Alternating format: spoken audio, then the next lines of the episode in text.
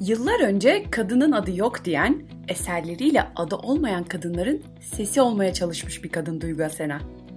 Hatta daha da ileri giderek kadınların farkında bile olmadıkları şeyleri onlara söyleyen ve kadınlık bilincini arttırmaya çalışan bir kadın.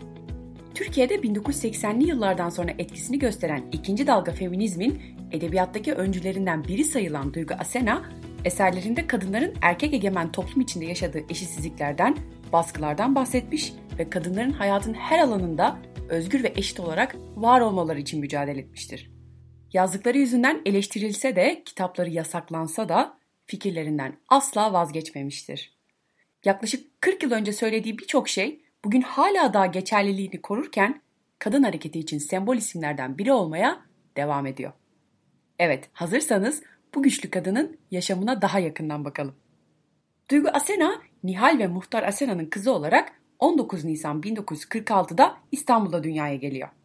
Dedesi Ali Şevket Öndersev, Mustafa Kemal Atatürk'ün emir subaylığı ve CHP milletvekilliği gibi görevleriyle tanınmış bir isim. Duygu Asena'nın çocukluğuna baktığımızda tutucu ve baskıcı bir baba figürüyle büyüdüğünü ve bu durumun onu derinden etkilediğini görüyoruz. Kendisi çocukluğu ve babasının davranışlarıyla ilgili şu sözleri söylüyor. Doğru olduğunu düşündüğümüz şeyleri yapabilmek için yalan söyleme hakkımızı kullandık kardeşim İnci ile beraber. Daha küçükken denize gitmek, gündüz partilerine gitmek, biraz büyüyünce flört etmek, diskoteye gitmek gibi. Büyük ablamızı üniversiteye bile göndermeyen babamı bu biçimde alt edebiliyorduk. İkimiz de üniversite sınavlarını kazandığımızda babamın kazanacağınızı bilseydim sınava sokmazdım deyişini unutmadık. Lise eğitimini Kadıköy Özel Kız Koleji'nde, üniversite eğitimini ise İstanbul Üniversitesi Pedagoji bölümünde tamamlayan Duygu Asena, mezun olduktan sonra Haseki Hastanesi Çocuk Kliniği'nde pedagog olarak çalışmaya başlıyor. 1972 yılında da Hürriyet gazetesinde gazetecilik kariyerine adım atıyor. Gazetenin meşhur Kelebek Ekinde Şirin takma adıyla köşe yazıları yazıyor. Üniversitenin son yılını okurken Gültekin Gürgen ile evlenen Duygu Asena bir süre sonra eskisi gibi uyuşamadıklarını fark ediyor. O dönemde gazetede kendisi gibi evli olan Murat adlı başka bir gazeteciye aşık oluyor. Bu durumu kocasına anlatıyor ve ayrılmak istediğini söylüyor. Murat da aynı şekilde eşiyle konuşuyor. Fakat konu mahkemelik oluyor. Ve dönemin Hürriyet gazetesi genel yayın yönetmeni Nezih Demirken gazeteden 5 kişiyi Duygu Asena'yı mahkemede hafif kadın olmakla suçlamak için tanıklığa gönderiyor. Ancak Gültekin Gürgen mahkemede eşim çok namuslu kadındır diyerek yöneltilen tüm suçlamaları reddediyor. Duygu Asena o dönem yaşadığı hisleri şu sözlerle anlatıyor. Gizli yasak bir ilişki ama her şeyde ortada. Neredeyse herkesin gözü üstümüzde. Nezih Demirkent ikide bir çağırıyor beni. Bırakacaksın diye masaya yumruğunu vuruyor. Bende ise şöyle bir şey var. Hangi konuda kim olursa olsun birisi bana yapma derse ben ısrar ederim. Yapacağım. Bana bunu yasaklayamazsın. Kötü bir şey yapmıyorum. Aşk yüce bir şey ve seviyorum. Yalancılık da yapmıyorum. Söylemişim her şeyi açıkça. O zaman sen bana neden karışıyorsun? Sadece Nezih Bey değil, çalışma arkadaşlarım, özellikle kadınlar bana tavır almaya başlamıştı. Bu daha kırıcı ve öfkelendiriciydi.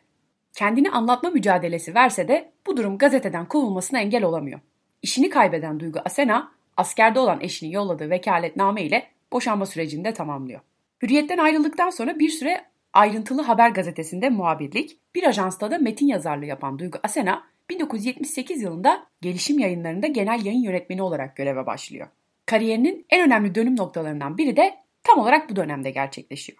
Duygu Asena 1 Aralık 1978 tarihinde yayın hayatına başlayan Kadınca dergisini kimselerin önceden tahmin edemediği bir seviyeye taşıyor. Gelişim yayınlarının kurucusu Ercan Arıklı dergiyi başta klasik bir kadın dergisi olarak düşünüyor. Fakat Kadınca kadın hareketi için çok önemli bir rol oynayarak Türkiye'de yayınlanan ilk popüler feminist kadın dergisi oluyor.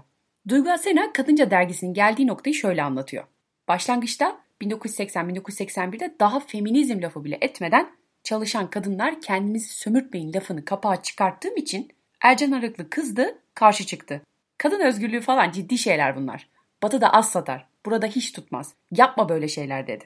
Ama baktı ki biz o tarz gittikçe satışlar 17-18 binden 50-60 binlere tırmanıyor. Sürekli tiraj alıyoruz. Bir daha karışmadı. Dergiye gelen mektuplardan biliyor, öğreniyorduk ki birçok evde kadınca dergisi yasaklanmıştı. Babalar kızlarına, abiler bacılarına, kocalar karılarına yasakladılar kadıncayı. Yasal ve evet ticari bir yayın yapıyorduk. Ama Anadolu'da çoğu evde hatta büyük şehirlerde bile siyasi yayın muamelesi görüyorduk. Sansürleniyor, yasaklanıyorduk. Duygu Asene feminizm ile nasıl tanıştığı sorulunca annesinin yaşadıklarına içsel bir tepki olarak farkında olmadan ve bilinçsizce olduğunu söylüyor. Yaşadığı bu tepkisel duruma özel hayatında yaşadıkları ile ilgili gördüğü toplumsal baskıda eklenince gitgide haksızlık ve eşitsizliğe karşı mücadeleci birine dönüşüyor. Kadın hareketi konusunda bilinçlenmesinde annesinin etkisini de şu sözleriyle anlatıyor. Kızlar annelerini izleyerek öğreniyor kadınlığı. Kimisi o gördüğü yoldan gidiyor, kimisi de ben öyle olmayacağım diyerek kendi yolunu çiziyor. Ben ikincisini yaptım. Daha adını bilmediğim feminizmi annemin yaşadıklarına içsel bir dürtüyle itiraz ederek benimsemiş olmalıyım. Bu bir tepki, bilinçli bir seçim değil. Annem Nihal Önderse bir biblo, süs kadını. Kötü yanı şu ki mutsuz. Bir kader kurbanı gibi. Bir ömür boyu o mutsuzluğu yaşadı. Belki de benim kadınlık durumuna isyanım onun bu mutsuzluğunu, çaresizliğini görmemle, anlamamla başlamıştır. Bir diğer dönüm noktası 1987 yılında Kadının Adı Yok adlı ilk kitabının yayınlanmasıyla gerçekleşiyor. Duygu Asena'nın hikayeye paralel olarak aynı zamanda feminizmi de anlattığı bu kitap Türkiye'de yeni bir dönemin başlangıcı oluyor. Çünkü bu kitapta aile olgusunu çok detaylı bir şekilde irdelemeye başlıyor. Kitapta muhafazakar bir babanın, eşinin sözünden çıkmayan bir annenin ve küçük yaşta cinsiyet ayrımcılığına maruz kalmış iki kız çocuğunun hikayesi anlatılıyor. Kadın hareketinin öncü isimlerinden olan Şirin Tekeli kitabı Türkiye'nin ilk orijinal feminist manifestosu. Bu kitap yalnızca bir kadın hikayesi değil. Bunun yanında kadınlara minimum kadınlık bilinci seviyesinde buluşmaları için yapılmış bir çağrı olarak tanımlıyor. Kadının adı yok, bir yıl içinde yaklaşık 40 baskı yaparak satış rekorları kırıyor. Hatta aynı yıl Atıf Yılmaz'ın yönetmenliğinde filmi yapılıyor. Aynı kitabı gibi filmi de çok önemli gişe başarılarına imza atıyor. Fakat 1988 yılına gelindiğinde Başbakanlık küçükleri Muzır Neşriyat'tan Koruma Kurulu tarafından zararlı bulunuyor ve kitabın satışı yasaklanıyor. Duygu Asena dava açarak uzun çabalar sonucunda kitabını aklatıyor ve tekrardan satışa sunulmasını sağlıyor. O dönem çevresinden aldığı tepkiyi ve yaşadığı üzüntüyü şu sözleriyle anlatıyor. Kadın edebiyatçıların, yazarların %90'ı hakarete varan ifadeler kullandılar benim için. Dost olduklarım bile selamı kestiler. Kelebekten kovuluşumdaki iffetsizlik suçlamasını bir kere daha yaşıyordum adeta. Karşılaştığımız her yerde vebalıymışım gibi yüzlerini çeviriyorlardı. Duygu Asena kitabında Türkiye'de o güne kadar tabu olarak görülen konuları tartışmaya açarak ataerkil toplumda kadına değer verilmeyişini kadın karaktere herhangi bir at koymayarak simgeleştiriyor. Kadınların kaderlerine boyun eğmemesi gerektiğini, kendilerine sunulan yaşama biçimini kabullenmemelerini ve erkeğe bağımlı hale gelmemelerini söyleyen Kadının Adı Yok kitabı içindeki birçok sözle aslında bir isyan ve farkındalık kitabı.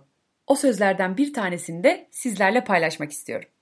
Anlamıyor musunuz siz? Kendim olmak istiyorum. Kendi adımla anılmak istiyorum ve erkeklerden, evlilikten yalnızca dostluk bekliyorum. Dostluk da, saygı da eşitlikle olur. Anlamıyor musunuz? Eşitliğin olmadığı yerde ikisi de yok. Kadının adı yok kitabının devamı olan aslında aşk da yok. İki yıl sonra 1989 yılında yayınlanıyor.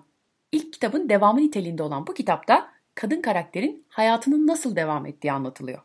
Bu ülkede özellikle kadınlar hep kaderlerine razı oldu. Savaşmak diye bir olay akıllarının ucundan geçmiyor diyerek isyan etmeye devam ederken evlilikler, çalışan kadın olmak ve erkeklik üzerine önemli tespitlerde bulunuyor. Çalışmak istiyor ama kocası istemediği için çalışmıyor. Arkadaşına gitmek istiyor, kocası istemediği için gitmiyor. Sinemayı seviyor, kocası sevmediği için gidemiyor. Yazmak istiyor, kocası istemediği için yazmıyor. Mini etek giymek istiyor, kocası istemediği için giymiyor. Bir insan bir şeyler istiyor ama başka bir insan onu engelliyor. Bunun adını da evlilik koymuşlar, yuva demişler. Diyerek dönemin evliliklerine atıf yapan Duygu Asena, başarılı olmak için üst düzey özveride bulunan kadınları da şu cümleleriyle anlatıyor. Derginin birinde başarılı kadınlarla söyleşi yapmışlar. Başarılı kadınlar. İş yerlerinde erkeklerin 3 katı çalışmak zorunda kalıp başarılı oldukları iş yerlerinden akşamüstü bel ağrılarıyla çıkıp sabah annelerine bıraktıkları çocuklarını alıp köşe başındaki markete uğrayıp mutfağın eksiklerini düşünüp eve gelip yemek yapıp televizyonun karşısında uyuklayan kocalarından aşk dilenerek yataklarına yorgun yatan kadınlar. Aynı kitapta toplumun dayattığı erkekliğe de meydan okuyan Duygu Asena şu cümleleri yazıyor. Erkekler erkekçe davranışlarından ne zaman vazgeçecekler acaba? Şu kadınca dedikleri davranışlardan 3-5'ine sahip olsalar çok daha huzur ve barış içinde yaşardık. Erkek gibi olmak, erkek gibi davranmak Ağlamamak, üzüntüyü göstermemek, kaçmak mı? Buyurun, yolunuz açık, kaçın. 13 öykü bir masaldan oluşan Kahramanlar Hep Erkek adlı kitabı 1992'de yayınlanıyor. Toplumun dayattığı rollerle kuşatılmış kadınlarla daha imtiyazlı hayatlar sürmüş erkekler arasındaki ilişkinin anlatımı aslında bu kitap. Farklı mesleklerden, eğitim düzeylerinden gelen kadınların eşleri ya da sevgilileriyle olan çatışmalarını anlatıyor. Duygu Asena 1992-1997 yılları arasında TRT 2'deki Ondan Sonra programını hazırlayıp sunuyor. Aynı zamanda Cumhuriyet, Yarın, Habertürk ve Vatan gazetelerinde köşe yazısı yazmaya da devam ediyor. Aynada aşk vardı, değişen bir şey yok, aslında özgürsün, aşk gidiyorum demez ve Paramparça adlı 5 kitap daha yazıyor. 2005 yılında Türkiye Gazeteciler Cemiyeti tarafından verilen Türkiye Gazetecilik Başarılı Ödülleri'nde Nezih Demirkent özel ödülüne layık görülüyor. Kusura bakmayın bazen böyle şeylere gülmeden edemiyorum. Aslında buradaki ironik durum hayatımızın her alanında karşımıza çıkıyor.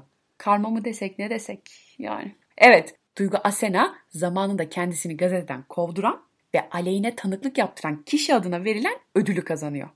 30 Temmuz 2006 günü beyin tümörü hastalığı nedeniyle tedavi gördüğü Amerikan hastanesinde hayatını kaybediyor. Ölümünden sonra Doğan Kitap ve Pen Türkiye Merkezi tarafından adına düzenlenen ödüllerle anılmaya devam ediyor. Aslında Türkiye kendisini ve verdiği mesajları her kadın cinayetinden sonra acı bir şekilde anmaya devam ediyor. 2020 yılında bile insanlar kadının adı yok diyerek sosyal medyada tepkilerini göstermeye devam ediyorlar. Son yılların en önemli ve en aciliyetle çözüme kavuşturulması gereken konularından biri olan kadın cinayetleri ve kadına yönelik şiddet konusu bugün hala kendisinin sözleriyle protesto edilebiliyorsa bu zamanında ne kadar önemli mesajlar verdiğini gösterir. Kütüphanemde Kadının Adı Yok kitabın ilk baskısı var.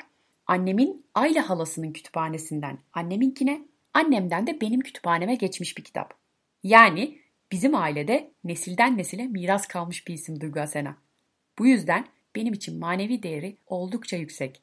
Aynı zamanda kadın hareketinin nesilden nesile miras kaldığının ve bu şekilde güçlendiğinin ülkemizdeki en önemli sembollerinden biri. Bu bölümü de kendisinin hayata dair bir sözüyle bitirelim. Aklımızın bir köşesinde kalsın. Bunca yıllık yaşamımda bir tek şunu öğrendim. Şu reçeteyi. Mutlu olmadığın ortamdan kaç git. Bunun için de güçlü ol, kendi kendine yet. Beni dinlediğiniz için çok teşekkür ederim. Bir sonraki bölümde görüşmek üzere.